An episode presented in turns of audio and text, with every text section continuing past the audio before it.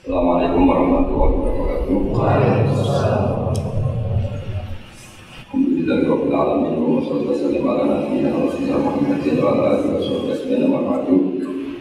Matur Bapak yang bawa kitab saya mau mengkaji halaman 415 tentang ana utamin wasitun di jadal Quran. Ya, ini tentang tradisi Quran berdebat ya, berdebat untuk menampakkan kebenaran. Jadi ada bab disebut fijat dari Quran.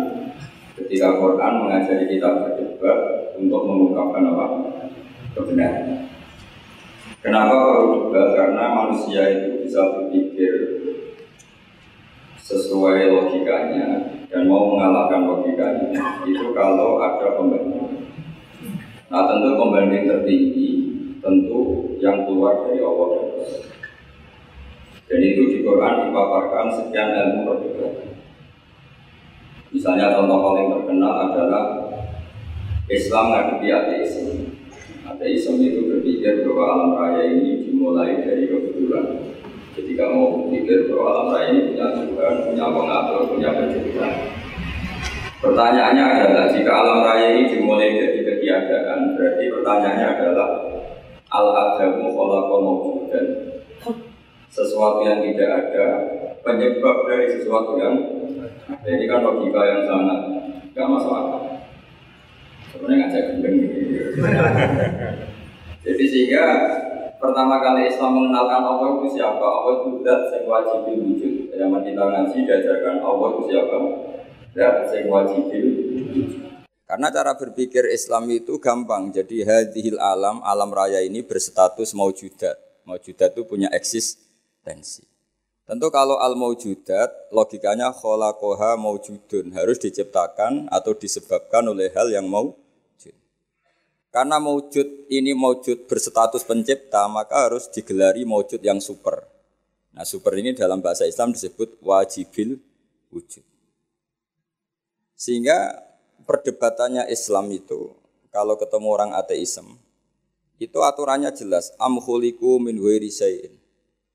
Kalau kalian mengatakan alam raya ini dimulai dari ketiadaan, berarti sama juga kita mengatakan ada wujud, ada eksistensi yang disebabkan oleh ketiadaan. Berarti nanti kan jadi kacau, logika ini kan kacau. Makanya disebut fija dalil Quran.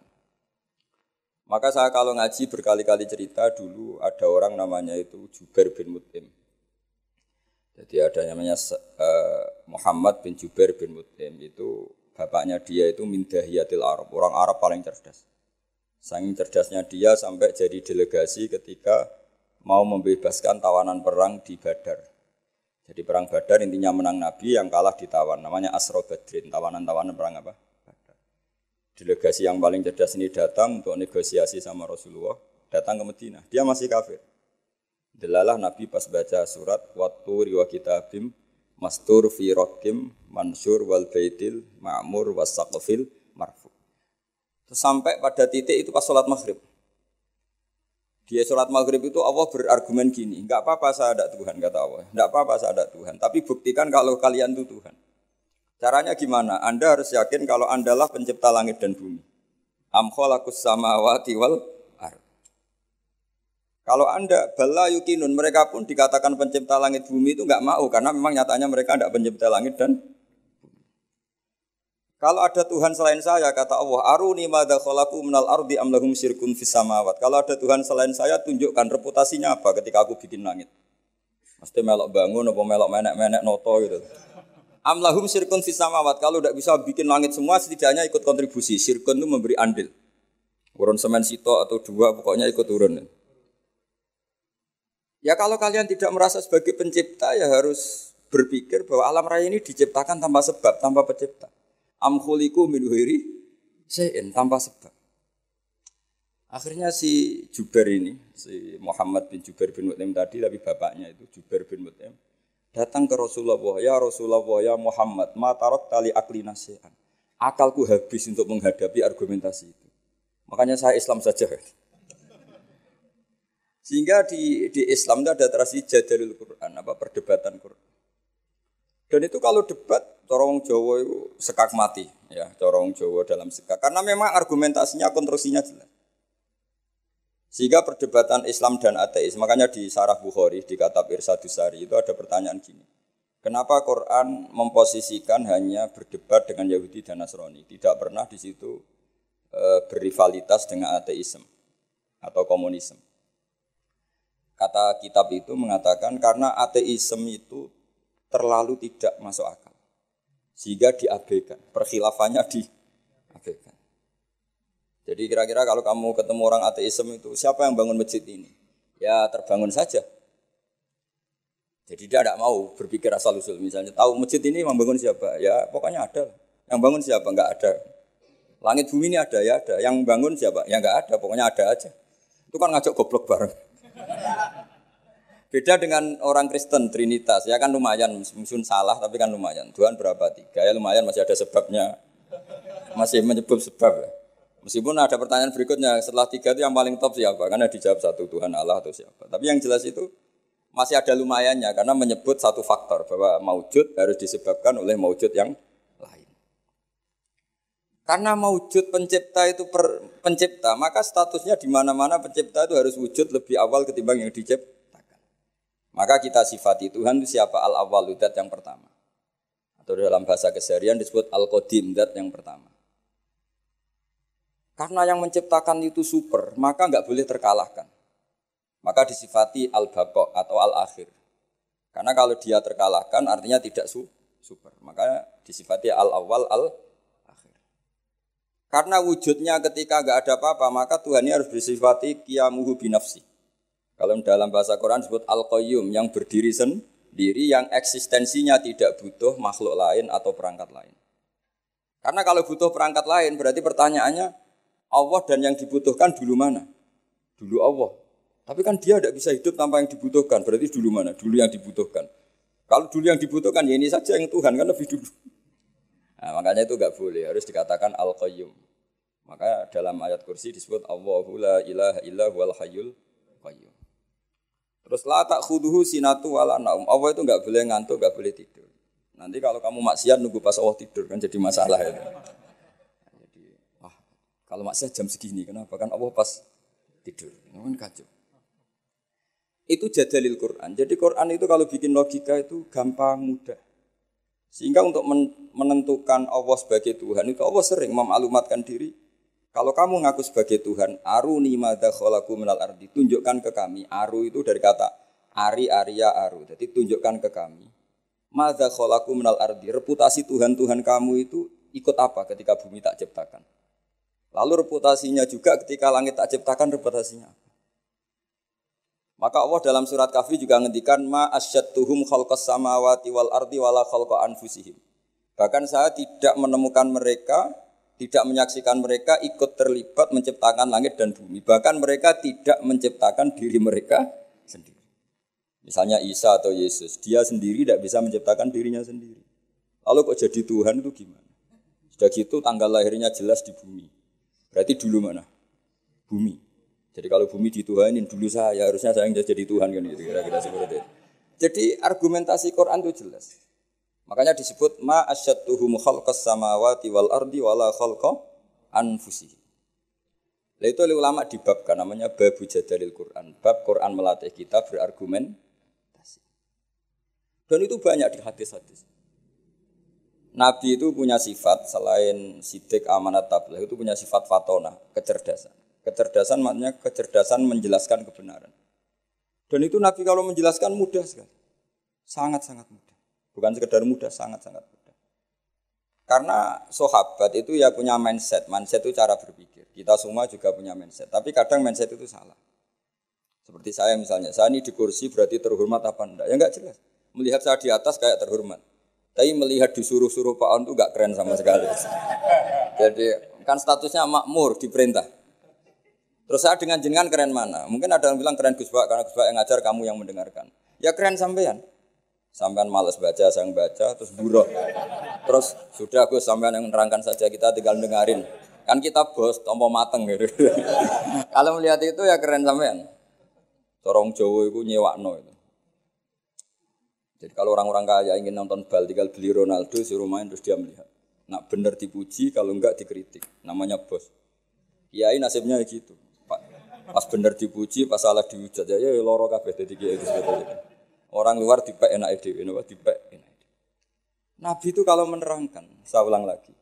Itu pas guyon ya rasional, pas serius ya rasional. Saya berikan contoh. Memang ini sesuatu yang saya tekuni. Saya punya kitab namanya Mizahun Nabi, guyonan-guyonan Nabi. Nabi itu kalau menerangkan kebenaran, sahabat ya punya mindset. Saya ulang lagi punya mindset. Misalnya Nabi pernah ngendikan, Idal takol muslimani bisayfihima fal qatil wal maktul finnar. Jika dua orang muslim bertarung, sama-sama pedang bawa senjata, maka yang membunuh maupun yang dibunuh sama-sama masuk neraka. Masuk neraka loh ya, tidak ada jaminan abadi apa enggak, karena ini orang muslim. Tapi setelahnya masuk neraka. Terus Nabi dibantah sama sahabat. Ya Rasulullah ada al-qatil, fama balul maktul. Oke kalau pembunuhnya masuk neraka kita terima. Tapi kalau yang dibunuh, dosanya apa kok sampai harus masuk Nabi jawabannya itu simpel sekali. Innahu kana harison ala qatli sahibi. Dia itu nasibnya maktul, tapi komitmennya atau mentalnya qatil. Coba, ketika dia terbunuh itu kan faktual, faktanya terbunuh, tapi mentalnya pembunuh. Cuma nasibnya saja sial terbunuh tapi mentalnya pembunuh karena dia ketika duel ya sama-sama ingin Nah karena mentalnya pembunuh maka dia tetap masuk Makanya saya berkali-kali bilang kalau ada orang rebutan istri, zaman pacar rebutan kalah, tidak usah disakeni. Mentalnya juga perebut. Cuma kalah saja. Itu Rasulullah segampang itu menerangkan. Sahabat akhirnya nerima, oh iya ya ternyata yang maktul, yang terbunuh mentalnya juga pembunuh atau kote. Menerima sahabat. Nah beda dengan, makanya terus secara fakir diterangkan, kalau maktulnya tidak bermental pembunuh, ya beda kan, berarti tidak saling ingin membunuh. Jelas ya, makanya sahabat dijelaskan oleh Nabi, innahu kana harison ala kotli sohibih dia sebetulnya sangat berkeinginan, harison itu berkeinginan sangat membunuh saudaranya. Nah karena keinginan itu berarti berstatus kotil. Cuma nasibnya maktul. Berarti maktul itu status nasib. Tapi status dia tetap kotil, pembunuh. Nah karena statusnya pembunuh, maka dia tetap masuk. Saya beri contoh akurasinya Nabi dalam ngendikan, meskipun pas guyon. Makanya Nabi ngendikan, saya ini Nabi. Pas emosi yang ngendikan benar, pas santai yang ngendikan benar, bahkan pas guyon pun ngendikan benar. Kalau kita kan enggak, kalau emosi kan tidak terkontrol. Kalau Nabi itu tidak, ketika emosi pun masih terkontrol. Termasuk pas guyon. Masyur itu di beberapa kitab hadis. Ada seorang sepuh main ke Nabi, kalau sekarang kira-kira jam 4 gitu, atau jam 5. Terus beliau ketika konsultasi hukum sama Nabi tergesa-gesa pulang. Ditanya, kenapa kamu tergesa-gesa pulang? Tadi saya ke sini jalan kaki ya Rasulullah. Sehingga kalau saya pulang apa agak sorean nanti saya keburu huru bisamsi matahari terbenam. Nabi dengan rilaksnya bilang la ahmilan naka alib napa. Karena ini perempuan tua. Dan nanti tak pinjemin anak unta saya. Terus si orang tua tadi protes, apa yang bisa saya perbuat dengan anaknya unta? Nabi ya senyum saja, terus di, ngaji lagi, Nabi ngaji lagi sampai dekati Guru Samsi. Terus nyuruh sahabat, ini untaku pinjamkan dia. Dipinjemin unta tua, ya unta betul unta tua, yang layak di tangan. Ya Rasulullah katanya anaknya unta, ini kok untanya tua? Ya meskipun tua anaknya unta ini kata dia. ya, jadi Nabi kuyanya itu kan. Jadi ya onta meskipun tua namanya apa? Ya anaknya onta kan. Andai kan Nabi kayak kamu mungkin diterusin. Orang masih tua ya anak onta orang anakmu gitu. Tapi Nabi tentu tidak akan ngendikan buruk gitu. Jadi Nabi guyon aja masih. Itu kan mengundang orang tawa tapi ya nggak nggak bohong. Coba onta itu anaknya siapa? Meskipun tua. Tapi pikiran kita kan kalau anaknya onta itu kecil. Yang nyuruh gitu itu siapa? Makanya ke dalam dunia kiai, kiai itu suka kelakar. Memang itu bagian dari kiai. Mungkin kalau orang yang nggak ngerti dunia kiai, saya ini anaknya kiai, cucunya kiai, buyut-buyut saya kiai. Jadi kelakar itu kayak kewajiban. Dulu kalau kiai di kota sebagian itu iskal. Banyak kiai kota yang tanya saya, kenapa Gus Kiai Kiai Alim itu kok seneng guyon? Saya tanya, kamu tanya apa gugat? Kalau tanya tak jawab, kalau gugat enggak. Tanya Gus. Begini cara berpikir kiai ini maaf ya ini mungkin beda. Kalau adat kiai itu gini, masyarakat itu kan menyimpan segudang pertanyaan agama. Dan itu malu kalau kita terlalu wibawa. Segan. Kiai itu kan sudah alim. Orang walim itu bawaannya wibawa. Kalau nggak kelakar itu orang nggak berani tanya. Sehingga memang kiai harus punya sisi rileks. Supaya yang tergumpal pertanyaan berani mengutak. Meskipun harus punya sisi aura karisma untuk menjaga wibawa agama. Dan kiai itu bisa semua, ya kadang karismatik, kadang guyon. Ya seperti kita ngadepi anak istri kan gitu, kadang kita wibawa di jam belajar. Tapi kalau sampean wahai blojo terus wibawa istri tidak berani bisa gak ada masakan gitu. Ada saat kita harus kelakar. Makanya Rasulullah itu saking seringnya kelakar itu sampai orang tanya itu urusan pribadi sekali. Ya Rasulullah tadi saya hubungan suami istri, hubungan intim, lalu tidak keluar mani, tidak inzal. Saya harus gimana? Harus wajib mandi enggak? Itu ditanyakan. Karena Nabi kalau sekali rileks, sekali kelakar itu, sekali guyon. Itu sahabat halal pribadi saja di Ditanyakan. Andai kan Nabi terlalu wibawa, maka hal-hal harian yang terkait suami istri tidak terkuat. Sampai ada seorang perempuan ngaji itu tanya, ya Rasulullah kalau perempuan bermimpi keluar mani gimana? Itu perempuan pinggirnya itu menghujat, kamu itu bikin kita malu di depan Rasulullah. Masa gitu di Nabi rileks jawab, inna la minal haq. Allah itu tidak malu membicarakan sesuatu yang jadi itu kenapa kiai itu jaga energi guyon karena nah kalau sampean memang bisanya guyon mau tidak mau harus guyon. Itu itu karena tadi untuk menjaga energi. Makanya ada ada cerita di hadis. Yat hakur robbu ila salah nafarin. Allah itu tertawa melihat tiga kelompok. Ada orang Budui tanya dari belakang. Ini hadis di Sunan Ibni Majah, termasuk kitab enam yang Mu'tamadah. Al-Kutubus Sita Al-Mu'tamadah di antaranya adalah kitabnya siapa? Ibnu Majah yaitu Bukhari, Muslim, Siapa lagi? Abu Dawud, Tirmidzi, Nasai, Ibnu Majah itu sudah sesuai kelas mainnya. Eh, Al-Muqaddam tentu Bukhari, setelah itu apa? Muslim, Abu Dawud, Tirmidzi, Nasai, Ibnu Majah. Terus ada yang menambahkan musnadnya Ahmad bin Hanbal. Itu di situ orang Bedui langsung bilang gini. Awayat hakur robbu ya Rasulullah. Masa Tuhan itu tertawa? Iya, kadang ya tertawa ya tentu dengan makna yang layak bagi Allah Subhanahu wa taala. Enggak enggak usah bayangkan tawanya kayak kamu. Terus kata si Arabi tadi, idan lana dimamin robbin yadhaku khairan. Kalau kalau gitu kita tidak akan kehilangan kebaikan dari Tuhan yang mau senyum. Makanya kalau Tuhan mau senyum pasti baik. Makanya si Arabi tadi terus bilang gini, ya Rasulullah, saya tuh gak suka kalau nanti dihisap bapak saya. Kenapa? Bapak saya kadang masih ngomel-ngomel. Ininya dihisap Allah langsung. Kenapa? Karena Allah lebih arhamur rahim. Jadi dulu itu Nabi itu mensuasanakan ngaji itu rileks. Sehingga kadang Nabi itu ya didebat. Didebat dengan sesuatu yang Nabi sendiri kaget. Misalnya Nabi pas khutbah itu masyur. Khutbah nerangkan kiamat. Ya pas khutbah Jumat nerangkan kiamat. Ada orang Bedui yang gini, ya Rasulullah jenengan ngomong kiamat terus tapi gak jelas tanggalnya. Itu lalu mata saat kiamat itu kapan? Kamu bicarakan terus tapi gak jelas tanggalnya. Mata sah, kiamat itu kapan? Bagi Arabi tadi ini, ini orang aneh, ngomong kiamat kok nggak jelas tanggalnya. Bu, paling nggak 2012 kan itu. Saya dulu itu sampai ditanya sama Gus-Gus itu ya sampai Kiai Kiai.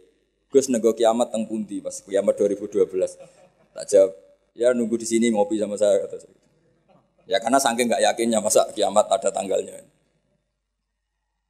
Mata sah. Terus Nabi itu terus saja khutbah. Sahabat yang di belakang itu e, beranalisis. Oh Nabi tidak dengar. Lam yasma. Ada yang analisis, tidak dengar tapi nggak berkenan karena pas khutbah kok di banyak. Berarti dua analisis. Lam yasma, Nabi nggak ngerespon karena tidak dengar. Yang kedua menganalisis kariha makol. Nabi memang nggak berkenan ketika khutbah kok dicela apa pertanyaan. Tapi akhirnya diulang lagi. Arafiyah itu pede sampai diulang tiga kali. Akhirnya Nabi jawab. Wah ini kalau gak dijawab ngomong terus ini orang gitu. Ngomong sama bedu gitu. Akhirnya Nabi tanya, kamu siapa yang tanya kiamat kapan? Saya Rasulullah, kiamat kapan? Kau bicarakan terus tapi gak jelas tanggalnya. Nabi balik tanya, ma'at tattalah. Lalu persiapan kamu apa kalau terjadi kiamat? Gantian Nabi. Jawabnya Arabi tadi, fawa wa ma'at tattalah kabiro solatin wala siamin walakini uhibbuka. Ya kalau saya ya nggak ada persiapan Nabi, sholat saya standar, puasa standar, gak lebih. Tapi saya mencintai kamu ya Rasulullah. Terus masyur itu jadi hadis populer almaru ma'aman ahabba sebagian riwayat anta ma'aman ahbab. Makanya riwayat itu kenapa masyurah begitu populer karena dikatakan Nabi ketika ngendikan di depan umum. Itu sahabat yang membenci Arabi ini, Bedui ini, jadi mencintai semua. Kemarin mangkel karena nggak sopan. Tapi barokahnya Arabi tadi Nabi ngendikan almaru ma'aman ahabba. Sebagai riwayat yukhsarul mar'u ma'aman ahabba. Ada redaksi lain anta ma'aman ahbab. Bahwa kamu nanti di akhirat berserta orang yang kamu cintai. Pokoknya sahabat senang, kita tidak akan punya amal kayak Rasulullah. Kita tidak akan sesoleh Rasulullah. Tapi kita mencintai Rasulullah. Dan barokahnya mencintai itu kita berharap nanti bersama Rasulullah. Kan gak mungkin rombongan Rasulullah malaikat-malaikat berani macam-macam. Kan kalah kelas.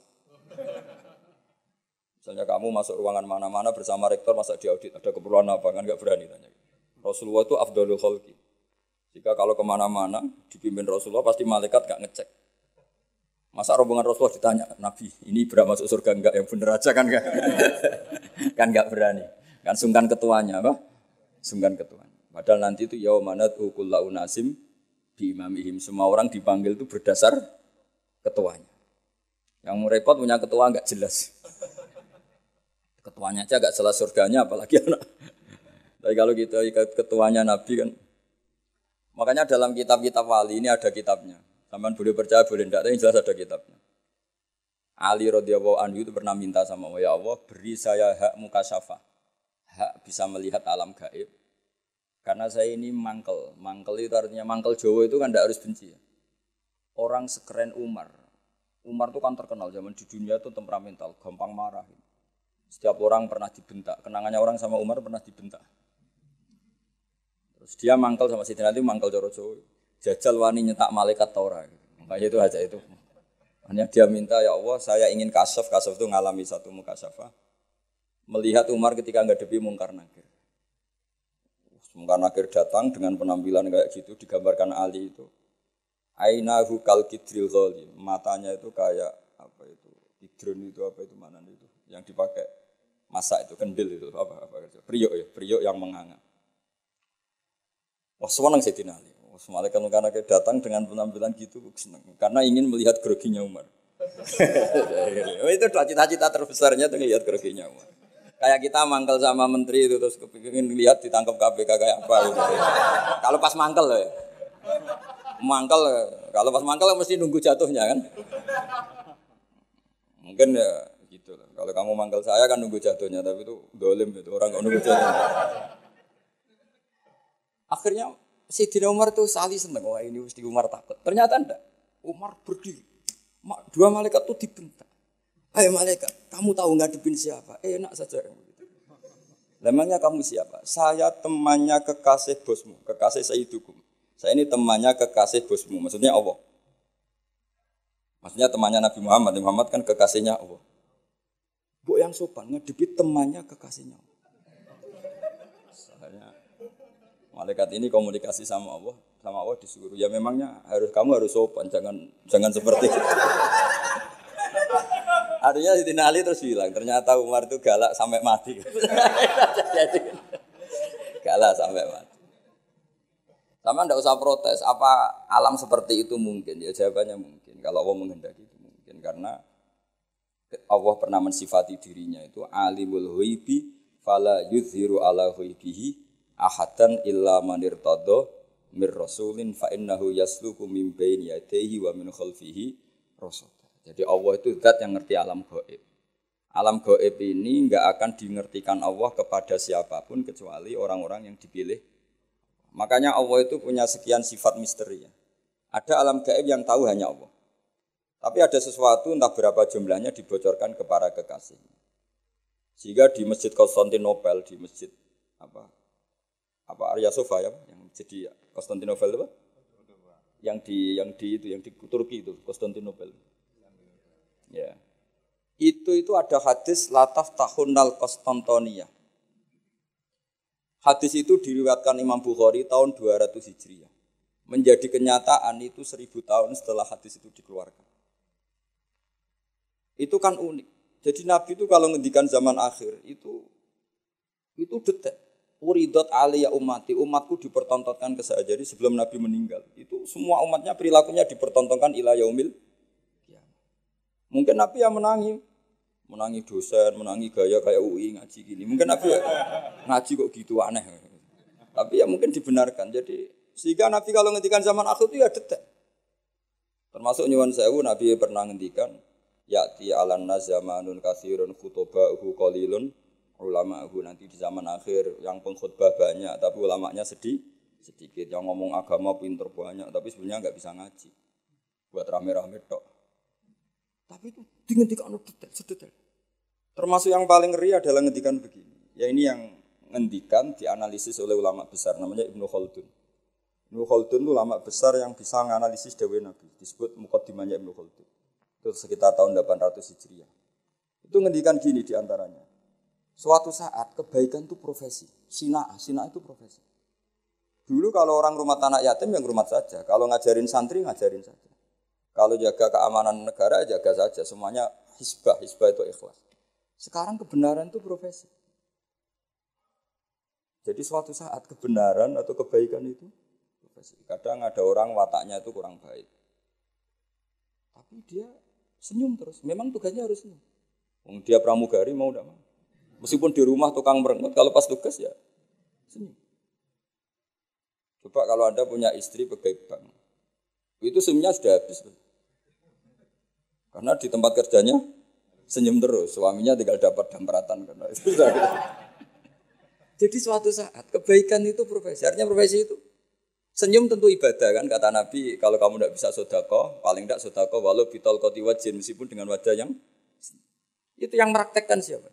Kiai apa pegawai bank sama pramugari? Kadang Pak On tuh berdudut, melihat UI gak seneng ngaji, Pak On mesti berdudut. Mau yang pakai bank aja gampang senyum, ahli ibadah kok ini ketua. Jadi tegas juga kadang profesi. Makanya saya pernah ditanya satpam. Saya sering punya santri reserse, tanya gini ke saya. Gus, suudon tuh haram enggak? Ya haram.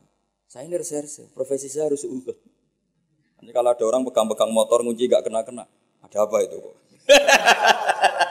jadi jadi zaman akhir itu suudon saja Profesi, coba kalau Anda jadi reserse atau satpam, terus ada orang kunci motornya kesulitan. Kalau kamu nggak satpam, mesti pikiran pertama itu, mungkin kuncinya nggak pas ya, apa agak error ya. Tapi kalau pikiran security, ada apa ya?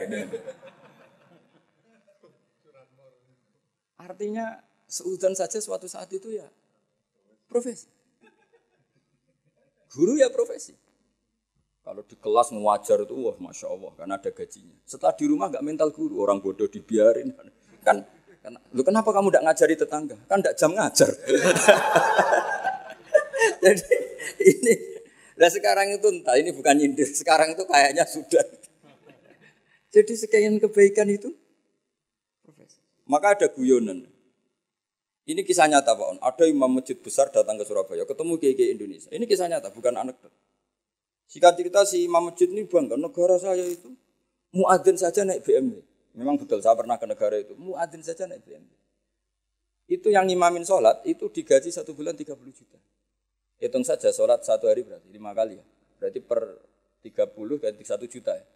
Satu juta berarti satu juta dibagi lima. Berapa? 200. Jadi dia bangga. Kalau di sini nggak ada, nggak ada gajinya. Kadang kok imamnya aja nggak naik Kok imamnya aja tidak naik BMW apalagi muadzinnya. Oh buah nggak nyepol dengan negaranya. Terakhir dia tidak bangga digojol gini sama ke Indonesia. Pak, Madikman sama sholat terus takut potong gaji ya. Makanya kamu sholat terus menerus karena takut potong gaji. Akhirnya terus ya, oh kurang ajar orang Indonesia. Ternyata tidak keren, imam digaji itu tidak keren.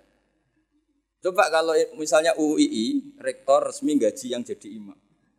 Terus istiqomah jadi imam terus. Mesti orang kan, wah ini takut potongan gaji ini.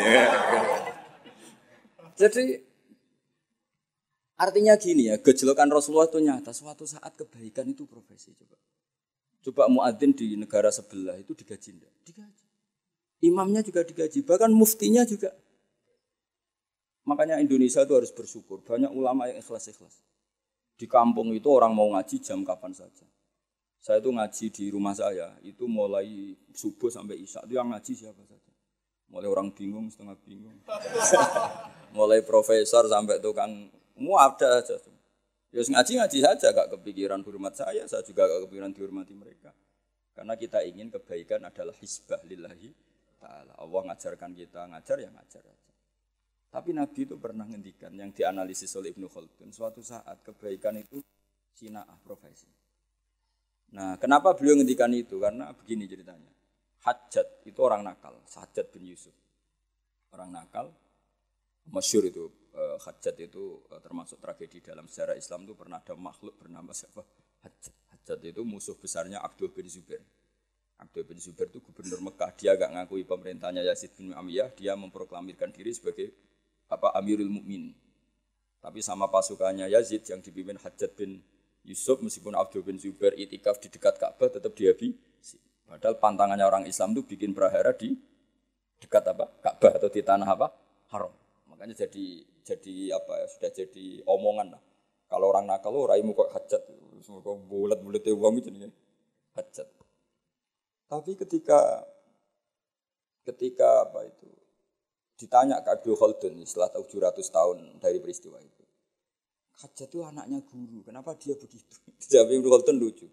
Ya gurunya guru profesi, bukan guru pengajar. Artinya beda. Makanya ini sekaligus kita menasihati diri kita sendiri, menasihati dosen, menasihati pegawai UI semuanya. Profesi itu harus dibawa sampai rumah, sehingga menjadi status. Enggak boleh kita hanya profesi dosen, hanya ngajar di jam Kita harus status. Status kita memang pengajar. Ketemu desa tertinggal ya kita ngajar, di kampus ya ngajar, di kampus ya kita bermental guru, di rumah ya bermental guru, di kampus ya bermental kiai, di rumah juga bermental kiai. Kita di yayasan yatim piatu ya sayang yatim piatu, di rumah tanpa ada yang gaji juga sayang. Lama-lama kalau profesi kan gini, di yayasan itu dia sayang sama yatim piatu karena digaji di situ. Ketemu yatim di rumah dibiarin. Kenapa? Kan tidak tugas saya. Nanti lama-lama tim SAR gitu. Kalau ditugaskan di mana serius. Kalau nggak ditugas ada orang kelab, Barno kan nggak bagian saya.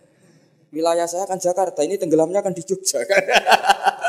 Jadi kacau semua kalau berdasar apa teritorial apa profesi. Itu Nabi sudah mengingatkan, kalau kamu jadi orang baik, berbaiklah karena hisbah. Bahwa dunia modern mengharuskan ada wilayah teritorial, ya monggo itu bawaan apa? Modern. Misalnya saya tim SAR Jakarta, oke wajiban saya utamanya di Jakarta tim pemadam kebakaran Jakarta tentu paling pokok Jakarta. Tapi kok suatu saat saya pulang kampung, tanggo saya kebakaran, terus diam aja. Kan tugas saya di Tentu ya harusnya enggak gitu. Keahlian saya tentang itu tetap harus kita ikut memberi kontribusi. Jadi ini ini contoh-contoh betapa Rasulullah itu luar biasa. Sampai fenomena yang ada pada umatnya sampai akhir zaman itu dihentikan. Makanya di hadis banyak uridot alaiya ummati dipertontonkan, diperlihatkan olehku umat-umatku perilakunya. Makanya banyak hadis di Bukhari, di Sahih Bukhari ada hadis dala ilmu nubuah. Itu semua hadisnya Nabi tentang fenomena yang Nabi gak menangi. Tapi itu akhirnya nyata ila yaumil kiamah. Termasuk zaman itu Konstantinopel itu pusat salibis. Tapi Nabi sudah menduga lataf tahunnal Konstantinopel Toniyah. Kamu suatu saat pasti akan mengalahkan Konstantin Nobel. Itu sekian ratus tahun baru Pangeran Fatih yang bisa membuka Konstantin. Dan Nabi ngendikan itu detail warna kudanya. Lebih ngeri lagi, lebih lebih seru lah, lebih seru lagi itu ngendikan kepada orang. Ada sahabat itu pendek pak, enggak ganteng. Namanya Suroko, Suroko bin Jusum. Ada yang baca Jaksum. Itu Nabi kalau gojlok Suroko itu lucu. E, suatu saat kamu itu memakai mahkotanya kaisar. Kaisar e, gedung putih. Gedung putih itu istilah dulu sebetulnya, Al-Qasrul Abyad. Jadi yang di Amerika White House itu sebetulnya niru istilah di Ibrani. Di Jordan itu ada daerah yang batunya semuanya apa? Putih.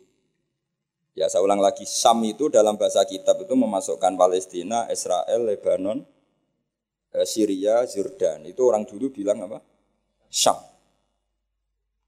Ya saya ulang lagi itu semuanya dulu istilahnya apa? Syam. Makanya subhanallah di Asro itu ke Syam. Syam dengan makna Baitul Maqdis itu di Israel atau di Palestina. Saya mengatakan Israel ini Israel bahasa ulama loh ya, bukan Israel nation negara apa? Israel. Ya sudah. Eh, kamu Suroko suatu saat akan memakai mahkotanya Kaisar Al-Qasrul Abyad. Kaisar mana itu? Syam. Zaman itu, saya ulang lagi ya, Sam itu dalam genggaman Romawi. Ya makanya kalau Quran bilang Romawi itu bukan Vatikan Italia itu enggak. Pemerintahan Timur Tengah yang dicaplok Romawi. Makanya ada Huli Batir Rum, fi adnal ardi wa hum mim ba'di walabihim. Sahilibun itu bukan Romawi Italia, apa kekuasaan Romawi karena Sam zaman itu dicengkeram apa?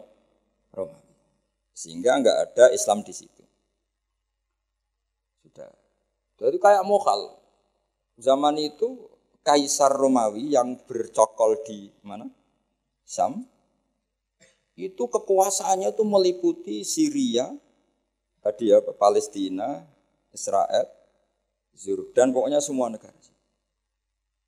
Surakoh itu ya percaya tapi ya yes, Nabi yang ngendikan. Ya. Dan lucunya ngendikan Nabi itu saat paceklik kelaparan, yaitu nggak makan tiga hari karena diembargo di perang Khandaq.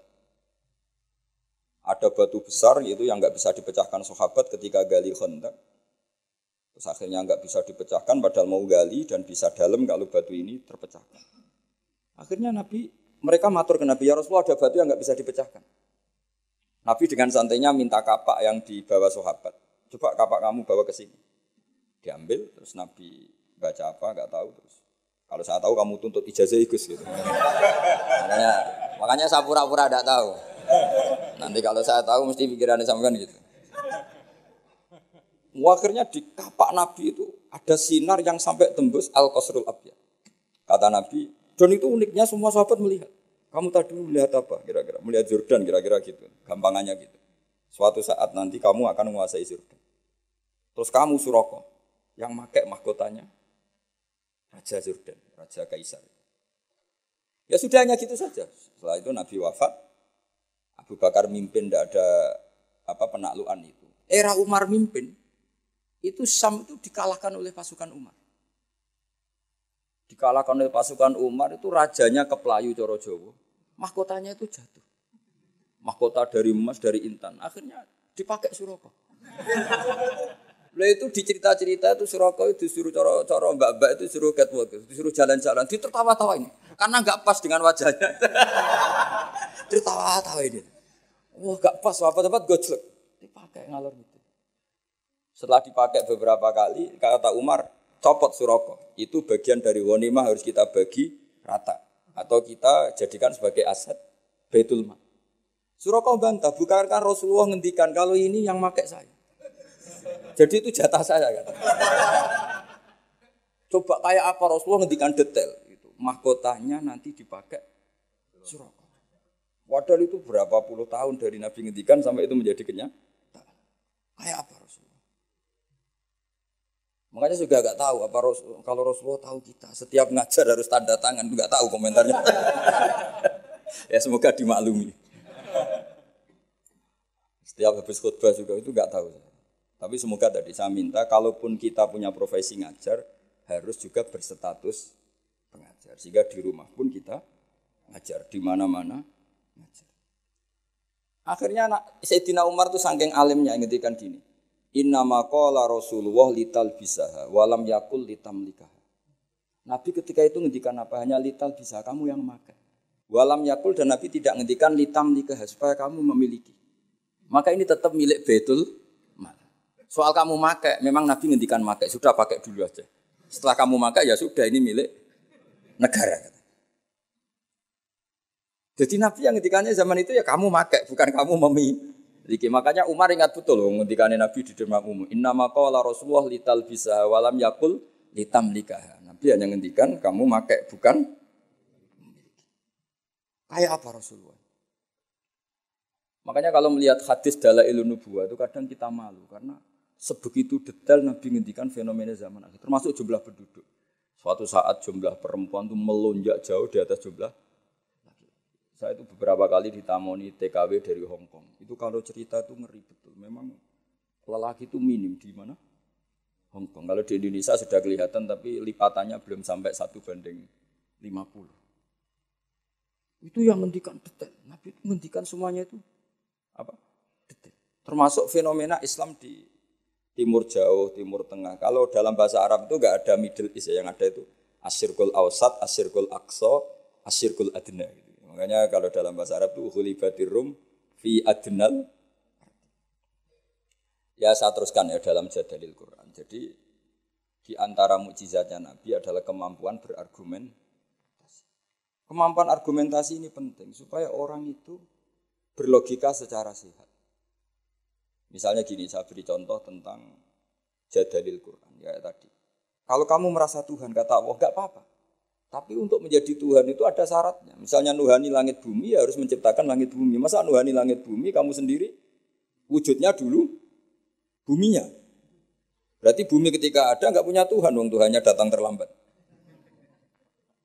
Jadi logika Quran itu gampang. Makanya tadi pagi saya ngaji cerita ketika Fir'aun tanya Musa, Wama Robbul Alamin. Tuhan alam semesta itu siapa Musa? Musa jawab Rabbus samawati wal ardi yang menuhani langit dan itu Fir'aun masih bisa ngeles. Ngelesnya kata Fir'aun, ma'alim tulakum min ilahin wiri. Setahu saya, saya ke mana-mana yang dituhankan saya. Soal kemungkinan Tuhan Anda di langit, terus Fir'aun manggil Haman. Ya Haman ibnili sorhalla ali abluhul asbab asbab samawati fa'attali'a ila ilahi Musa. Haman, bikinkan saya piramida yang tinggi. Saya mau melihat Tuhannya. Akhirnya Musa bingung, yang sawang sarap repot. Akhirnya Musa ganti argumentasi.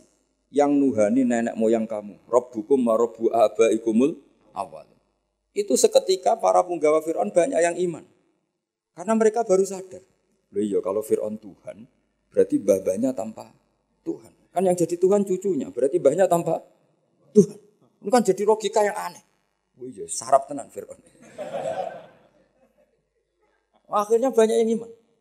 Nah banyak yang iman ini berdasar logika yang dibangun Nabi Musa, yaitu kemampuan jadal, kemampuan berargumentasi. Akhirnya di beberapa cerita semua kebijakan Fir'aun itu dibocorkan ke Musa. Karena sebagian punggawanya sudah mukmin, termasuk ketika Fir'aun memutuskan Musa harus dibunuh. Orang-orang yang ikut rapat, yang ikut setuju Musa dibunuh itu orang-orang itu juga yang bocorkan. Makanya disebut waqala rajulun mu'minum min ali fir'auna yaktumu imana. Jadi ada orang-orang yang sudah iman tapi yaktumu apa? Iman menyembunyikan iman. Nah, kenapa banyak orang mukmin? Karena tadi kekuatan logika. Nah sekarang jadalil Quran itu problemnya agak dipelajari di kampus-kampus di bodoh-bodoh jarang dipelajari. Karena mereka lebih suka berdebat untuk kepentingannya sendiri. Padahal berdebat itu menjadi orang sehat. Tapi bukan ingin menang-menangan ya memang ingin nyari apa? Kebenaran. Saya punya sekian contoh debat yang dilakukan para nabi. Saya punya kitab namanya Khilyatul Aulia. Itu kitab indukan para wali. Jadi kalau kamu ingin jadi wali harus baca kitab itu. Itu 11 jilid. Satu jilidnya segini. Jadi itu untuk menjadi wali itu harus khatam itu berapa? 11 jilid, satu jilidnya. Belum jadi wali udah mati lagi lagi kalau itu. Itu judulnya sudah Khilyatul Aulia wa Tabaqatul Asfiya. Jadi ini kiarangan tentang wali dan kelasmen orang-orang pilihan. Jadi orang pilihan ya ada kelasmennya. Ya sama di struktur wali ya ada ketua, ada sekretaris. Jadi tidak hanya di kampus ada rektor, ada wakil. Di struktur wali juga ada ketua, ada sekretaris, ada bendara, macam-macam lah ada ada struktur. Di antaranya itu diriwayatkan oleh gurunya Imam Syafi'i namanya Sufyan bin Uyainah itu di antara gurunya Imam Syafi'i kan Imam Malik, Sufyan bin Uyainah, Sufyan As-Sauri, Muslim bin Khalid Az-Zanji itu beberapa gurunya Imam Syafi'i itu ada perdebatan antara dua nabi besar. Nabi Yahya itu kalau hidup itu suka kumpul orang-orang soleh. Karena hidup sama orang soleh itu nyaman. Kalau Nabi Isa enggak, beliau itu senang hidup di daerah orang-orang nakal. Dua nabi ini sezaman kemudian saling tanya. Kenapa kamu suka hidup sama orang-orang soleh? Jawabannya Nabi Yahya ya, ya karena bersama orang soleh itu nyaman. Terus kata Nabi Yahya, kenapa kamu suka hidup sama orang-orang nakal di komunitas orang-orang nakal? Jawabannya Nabi Isa itu anatobibun udawil mardo. Di mana-mana Nabi itu bengkel atau dokter. Di mana-mana dokter itu ya kumpul orang apa? Sakit. Sehingga semenjak itu orang itu ada ulama yang nekuni di kampus-kampus, ada ulama yang dakwah di daerah-daerah nakal karena udawil mardo. Jadi mulai dulu dia ada perdebatan. Nabi Isa itu orangnya itu kalau ngaji itu ceria sekali. Orangnya itu gampangan coro Jawa. Digojok sama Nabi Yahya. Kamu kok sering senyum, sering tertawa. Kaan nakata manu min makrillah. Seakan-akan kamu itu tidak kena adab saja. Kamu itu manusia, tetap potensi kena. Sing Nabi Yahya itu penampilannya itu kumuh, terus kusut, kelihatan susah, kelihatan gak nyaman di dunia. Saking takutnya sama. Gantian digojok sampai Nabi Isa. Kamu itu kok sering masam, sering apa ya pokoknya ya cemberut kaan naka taknatu mirahmatillah. Koyok rahmati Allah terbatas. Ya. Akhirnya terus jadi satu manhat. Jadi satu manhat kalau kita terlalu senyum kayak arogan yang nggak takut azab. Tapi kalau terlalu susah seakan-akan nggak ada rahmatnya. Semenjak itu terus ada khauf, ada roja. Jadi sebelum ada metode khauf roja, itu jadi perilaku per satu-satu nabi. Nabi satu milih khauf terus, nabi satu milih roja terus. Karena hadil ummah umatun barokah, karena umat ini umat yang berkah. Sehingga umat ini dibagai metode dua-duanya. Ada ulama yang jadi wali karena khauf, ada ulama yang jadi wali karena roja. Ada yang seperti sampean, roja ya gelem, khauf ya gelem ini ini agak agak kacau ini kayak gado-gado ini manhat roja ya. Artinya apa? Muamalah sama Allah itu tidak bisa kamu duga. Allah itu zat yang pikiran kita itu tidak bisa menembusnya. Saya punya satu kitab yang ada riwayat begini, ada orang ahli neraka dua, dipanggil sama Allah ke surga. Itu mesti di luar dugaan sampai. Dipanggil sama Allah di surga. Nah, dipanggil, enak di neraka. Wah Gusti enak sama sekali. Ini betul, ini ada kitabnya. Wah gak enak sama sekali. Terus sama Allah, ya sudah kak, kamu kembali ke neraka. Sudah dipanggil di surga. Orang tuh lari sekencang-kencangnya menuju neraka. Mesti di luar dugaan kamu. Kalau disuruh kembalikan neraka itu semangatnya Allah lari. Menuju neraka, nyemplung lagi. Terus sama Allah dipanggil. Setelah deketin neraka dipanggil, oh sini lagi. Kenapa kamu semangat ke neraka? Gusti, saya ini sudah kuwapok. Dulu kalau kamu perintah itu gak semangat. disuruh, disuruh sholat gak semangat, disuruh baik gak semangat. Kali ini jenengan perintah saya semangat. Karena saya sudah kapok, jenengan suruh bantah. Akhirnya Allah sakit, ya suarga ya suarga. Makanya ini sekaligus ijazah. Jadi nanti kalau kamu disuruh masuk neraka harus apa? Semangat. Karena kita ketika di dunia sudah kalau disuruh apa-apa enggak enggak semangat. Ya ini sekaligus ijazah nanti kalau kamu neraka langsung apa? di luar dugaan kan. Justru karena semangat. Ya aku ini kapok ya. Karena ketika di dunia engkau merintahkan papa itu saya tidak semangat melakukan. Maka kali ini saya akan apa? Semangat. Ternyata sama Allah dipanggil. Ya sudah di surga aja. Yang kedua enggak. Sudah kamu sekarang kembali ke neraka. Itu tolak, tolak. Melangkah satu, noleh lagi. Tiga, noleh. Pokoknya Terus sama, tanya sama Allah. Kenapa kamu tolak toleh? Bukannya tak suruh ke neraka. Ya Allah, saya itu gak ngira ketika engkau manggil aku ke surga. Gak pernah ngira kalau engkau nyuri lagi ke neraka. Akhirnya sama Allah, sudah di surga aja. Karena barokahnya khus nuzul. Jadi ini ijazah dua-duanya. Jadi pilihannya, pilihannya itu kamu lari spring itu yang atau apa? Tolak tolak. Saya tidak tahu ijazah ketiga ini dulu dipraktekkan nanti itu apa? Jadi apa ya? Makanya agama itu riwayat. Makanya ada ulama mengatakan inna hadzal ilma dinun fangzuru amman ta'khuduna dinakum agama itu, ilmu itu riwayat, maka kamu cari riwayat itu. Karena kalau kita berlogika ya tadi, kamu akan berpikir maktul itu di surga apa? E, kotel itu di neraka, maktul karena terbunuh, mazlum di surga. Ternyata nubuah, pikiran kenabian tidak seperti saya beri contoh pikiran kenabian yang pasti menurut sampean nggak lazim, tapi ini benar ada di hadis, ada fil kutubisita dalam kitab. Nah, ini terakhir contoh saya tentang riwayat, tentang kecerdasan nubuah. Orang Ansor kita tahu kan jasanya pada Nabi kan banyak sekali. Sampai disebut Ansor, penolong Nabi. Jasanya Masya Allah. Tapi ketika Nabi ngalami futuhat, setelah menaklukkan Mekah, setelah Nabi kaya, setelah Nabi mapan. Semua fasilah Nabi itu dikasihkan orang-orang yang barusan masuk Islam. Yang notabene tidak berkontribusi sama. Itu ada satu orang dikasih dikasih kambing, itu Mabin al-Jabalen. Itu ada yang ngitung 4000 kambing. Sampai dua gunung itu penuh. Gunung Arab kamu tahu kan kayak Uhud kan. Antara gunung satu ada gunung yang lain. Tapi gunung Arab ya nggak kayak gunung Merapi ini enggak ya. Makanya dulu kalau perang itu kata Nabi pemanah di atas gunung. Jangan sampai turun. Karena manah dari atas gunung sampai ke bawah itu kena masih mati. Kalau gunung Merapi yang ngeleyang panah itu. Karena gunung di Arab itu ya kayak gunung Uhud loh Pak. Kita naik kan paling nggak sampai segini aja nggak sampai. Jadi gunung di Arab jangan bayangkan kayak makanya kalau perang yang di atas manah itu musuhnya masih mati atau masih sakit. Kalau dari Merapi mana ke bawah separuh aja enggak. Sehingga kata Nabi yang pemanah tetap di atas jadi ya gunungnya seperti itu ya, tidak sampai apa? Tidak sampai tinggi. Terus sahabat-sahabat Ansor itu ada di antara sahabat ya, bukan orang Ansor saja termasuk orang Muhajirin. Itu kalau gendong cucunya itu Pak, itu apa jentiknya cucunya itu dilebok-lebok no digeger di punggung. Dan itu mbahnya sengaja kalau ngajak anak cucunya itu nggak pakai baju. Ketika ada yang tanya, itu itu bolong karena apa? Kullu dzaika lidifaan Rasulillah. Jadi ketika perang Uhud, semua panah tentu kan ngarah Nabi ya. Karena orang kafir kan ngapain mata ini sahabat kalau bisa mata ini Nabi. Itu sahabat Coro Jawa itu nangkis panahnya Nabi itu sampai seperti itu. Ada ditangkis pakai geger, ada yang pakai tangan.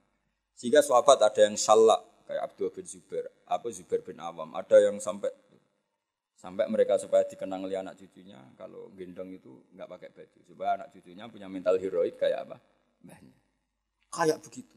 Tapi ketika Nabi Futuhat, itu orang-orang ini nggak dikasih apa-apa sama Nabi. Tapi yang barusan Islam dikasih banyak. Nah, pikiran manusia tentu yang berkontribusi kan dapat jatah, apalagi partai politik kan mesti pikirannya seperti itu. Tapi Nabi unik, malah enggak sama sekali. Singkat cerita, Nabi pas itu bagi Honima itu di Cirona.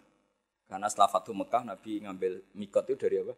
Cirona. Jadi Nabi, Nabi di Mekah posisi pas itu di Mekah. Terus orang-orang, wah ini gimana Nabi yang berkontribusi gak dikasih, kok yang baru masuk Islam dikasih banyak. Nabi dengar itu, akhirnya mereka dikumpulkan, orang-orang Ansor dikumpulkan. Ya Masarol Ansor, bikin satu kubah yang hanya orang Ansor boleh masuk. Akhirnya Nabi mengumpulkan seperti ini, dikumpulkan. Ini sudah orang Ansor semua, ya sudah ya Rasulullah. Nabi itu cara berpikir begini, ya Masarol Ansor, wahai orang-orang Ansor.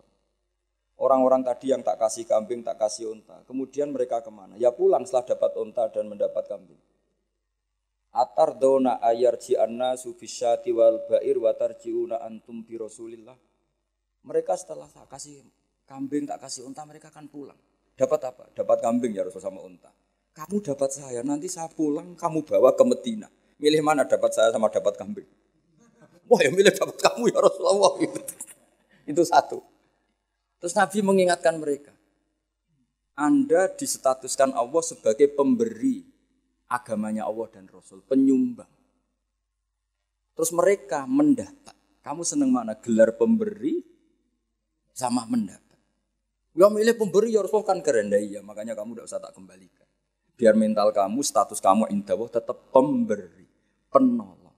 Sementara mereka diberi, ditolong. Terus Nabi ngendikan al yadul ulya khairum minal Kayak apa Rasulullah bina sahabat?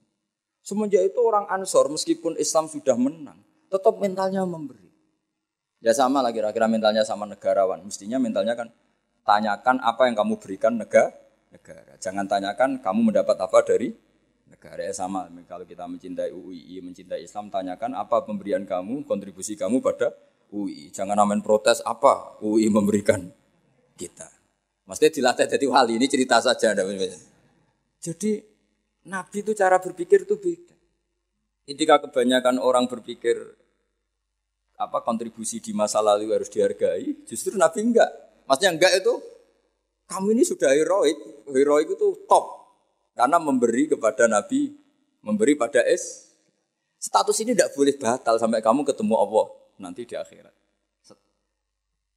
Akhirnya orang-orang Ansor rodina billahi robba wa islami dina ya sudah ya. Semenjak itu orang Ansor nggak pernah berebut kekuasaan.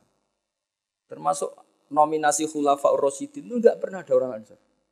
Mereka nggak mau apa yang sudah diberikan Allah dan Rasul kemudian mendapat sesuatu yang dohirnya itu jabatan. Tapi sama Allah dibalas. Durianya orang Ansor banyak orang alim alam, termasuk Syekh Zakaria? Al Ansori. Itu orang Mesir sebetulnya. Dia orang Sahara. Tapi beliau bangga dengan status Al-Ansori karena babanya orang Ansor. Imam Qurtubi itu menamakan diri Anal Qurtubi wa Anal Ansori. Nah sekarang makanya ini harus dilatih. Logika nubuah itu harus dilatih. Bahwa kita saat memberi itu lebih bangga ketimbang saat men mendapat atau menerima. Misalnya kita ngurmat yatim, suatu saat anak yatim ini jadi dokter sukses atau pejabat sukses. Kita harus berdoa supaya anak yatim itu lupa ke kita. Sekali ingat, kamu dulu tak rumat loh, ingat. Yang dulu kita pernah berstatus anak wa kafirul yatim kahateni fil jannah karena kita ikhlas. Tapi setelah anak yatim itu jadi pejabat, status itu hi, hilang karena kita akhirnya dapat imbah. Kan eman berstatus anak wa kafilul yatim gahata ini fil jannah saya dan perumat anak yatim seperti ini di surga. Tapi setelah yatimnya besar jadi dokter, minta apa? Loh kalau kita tidak minta nggak masalah. Misalnya anak yatim itu punya etika kemudian memberi kita. Itu dalam syariat Islam kalau memberi itu nggak apa-apa kita terima. Tapi kalau minta-minta itu masalah besar dalam tradisi apa? Islam. Makanya saya mohon ngaji ini menjadi ngaji riwayat sehingga orang dalam berislam tidak sering pakai logikanya sendiri tapi berdasar apa riwayat. Karena tadi ada ada pepatahnya ulama ada dawe inna hadzal ilma dinun fanzuru amman ta'khuduna dinakum. Ilmu ini agama, maka lihat kamu mengambil agama itu dari siapa. Kalau orang bacanya Bukhari, baca Muslim, baca apa, dia pasti terbentuk oleh logika itu, oleh riwayat itu. Jadi kalau orang ngomong agama tidak pernah belajar Bukhari Muslim, ngomongnya tentang akalnya apa tentang riwayat? Akalnya dia tidak punya referensi. Kan dia tidak punya referensi. Kalau dia baca banyak kan pasti terbentuk oleh sekian riwayat tadi. Tapi kalau enggak coba, kira-kira pakai apa? Misalnya gini, contoh gampang. Orang ada yang sholat di masjid terus itu. Sholat sunat di masjid. Kira-kira kalau kamu berpendapat, orang itu orang baik apa enggak? Baik kan? Karena selalu sholat di masjid. Tapi Nabi enggak nyatanya. Nabi malah negur orang itu. Hei kamu, kenapa selalu sholat di masjid? Ya ya Rasulullah, karena masjid tempat terbaik. La taj'alu buyutakum maqabira. Jangan jadikan rumah kamu jangan jadi kuburan. Rumah kamu harus dapat jatah apa? Sholat. Jangan semua kebaikan kamu dihabisin di masjid. Nah itu riwayat. Sehingga kita disunatkan selain sholat maktubah, qobliyah, badiah, sebaiknya sebagian dilakukan di rumah. Supaya rumah kamu ada nur sholat, dapat cahaya sholat. Andai kan tidak ada riwayat, pasti kita sependapat dengan tadi. Masjid tempat terbaik untuk sholat, maka sholat di rumah, apa di masjid, di rumah tinggal makan sama bentrok sama istri kan gitu. Tapi tidak ternyata Nabi menegur, masyur itu, la taj'alu buyutakum maqabir. Sebagian riwayat, ij'alu, sebagian sholat kamu jadikan di rumah, supaya rumah kamu dapat nurus sholat. Itu kalau gak riwayat gak bisa, karena kalau gak riwayat kan, wah rumah itu ribet. Istri kadang ngomel, anak rewel. Gak pas kalau untuk ibadah. Mesti logika kita kan seperti itu. Tapi riwayat mengatakan tidak demikian. Makanya anak-anak saya itu seneng karena ya tadi kenangannya bapak paling habis datang sholat, habis ini baca Quran. Sehingga rumah itu tidak semua sana. Coba kalau sampean misalnya sholat, wah biasanya habis dari masjid itu lapar kalau nggak disediain marah. Kan lucu kan habis masjid suaminya takutnya ini, istrinya takutnya. Biasanya kalau habis terawih kan capek. Di rumah mesti tak pertanyaan pertama, makan makan. Hmm. Kan jadi makhluk aneh. Religius di masjid, di rumah garang. Tapi kalau sebagian sholat itu di rumah, misalnya witir di masjid tiga kali, oke lah ikut publik witir tiga kali. Itu ulama dulu sudah ada caranya. Kan ada orang yang tanya, saya ini kalau witir ikut di masjid tiga kali, lalu katanya Nabi kan witir harus sholat paling akhir kan. Ij'alu akhir sholatikum witron. Terus ulama mulai dulu sudah jawab, kamu sholat lagi satu rakaat di rumah, berarti menjadi empat. Setelah menjadi empat berarti sudah sholat saf'un. Terus kamu sholat lagi dua, dua, dua sampai jumlahnya sebelas atau tiga belas. Kan ulama itu berdebat. Witir terbaik itu tiga belas apa? Sebelas. Bagian ulama mengatakan sebelas. Yang dua itu berstatus ba'diyah isya. Tapi yang jelas tetap sebagian sholat itu di rumah. Makanya Nabi Musa didawi Allah gimana? Waj'alu buyutakum qiblatau wa aqimus sholat rumah kamu juga harus sebagai kiblat dan harus menjadi tempat. Andai kan tidak riwayat, tentu kita membenarkan orang yang selalu sholat lama-lama di mas, masjid. Tapi ternyata Nabi itu enggak. Kamu jangan gitu, rumah kamu harus dapat bagian sholat. Terus Nabi pernah ngedikan juga, ju'ilat lanal ardu kulluha masjid. Dan semua buminya Allah, hakikatnya berstatus masjid. Rumah kamu kan ngenes. Bogoni kue mangkel. Bumi itu paling bangga kalau dipakai sujud sama Allah. Kemudian sujud kamu dihabisin di masjid, di rumah pas ngomel sama istri terus. Itu bumi yang di rumah kamu mesti ngomel juga. Ini orang tidak benar kenangan sama saya ngomel terus. Tapi kalau sekali-kali kamu sholat di situ kan, wah, alhamdulillah ini waras orang ini. Terus kedua, semakin banyak tempat sholat, semakin banyak saksi. Tanah masjid bersaksi kamu sholat, tanah rumah bersaksi kamu sholat dan sebagainya. Itu tidak bisa kalau kita tidak baca banyak riwayat itu. Kalau adegan kita hanya pakai akal, pasti menjawab, ya bagus di masjid, kan sudah pas sholat ibadah di tempat ibadah. Ternyata cara berpikir nubuah ada seperti itu. Ya, saya kira demikian. Assalamualaikum warahmatullahi wabarakatuh.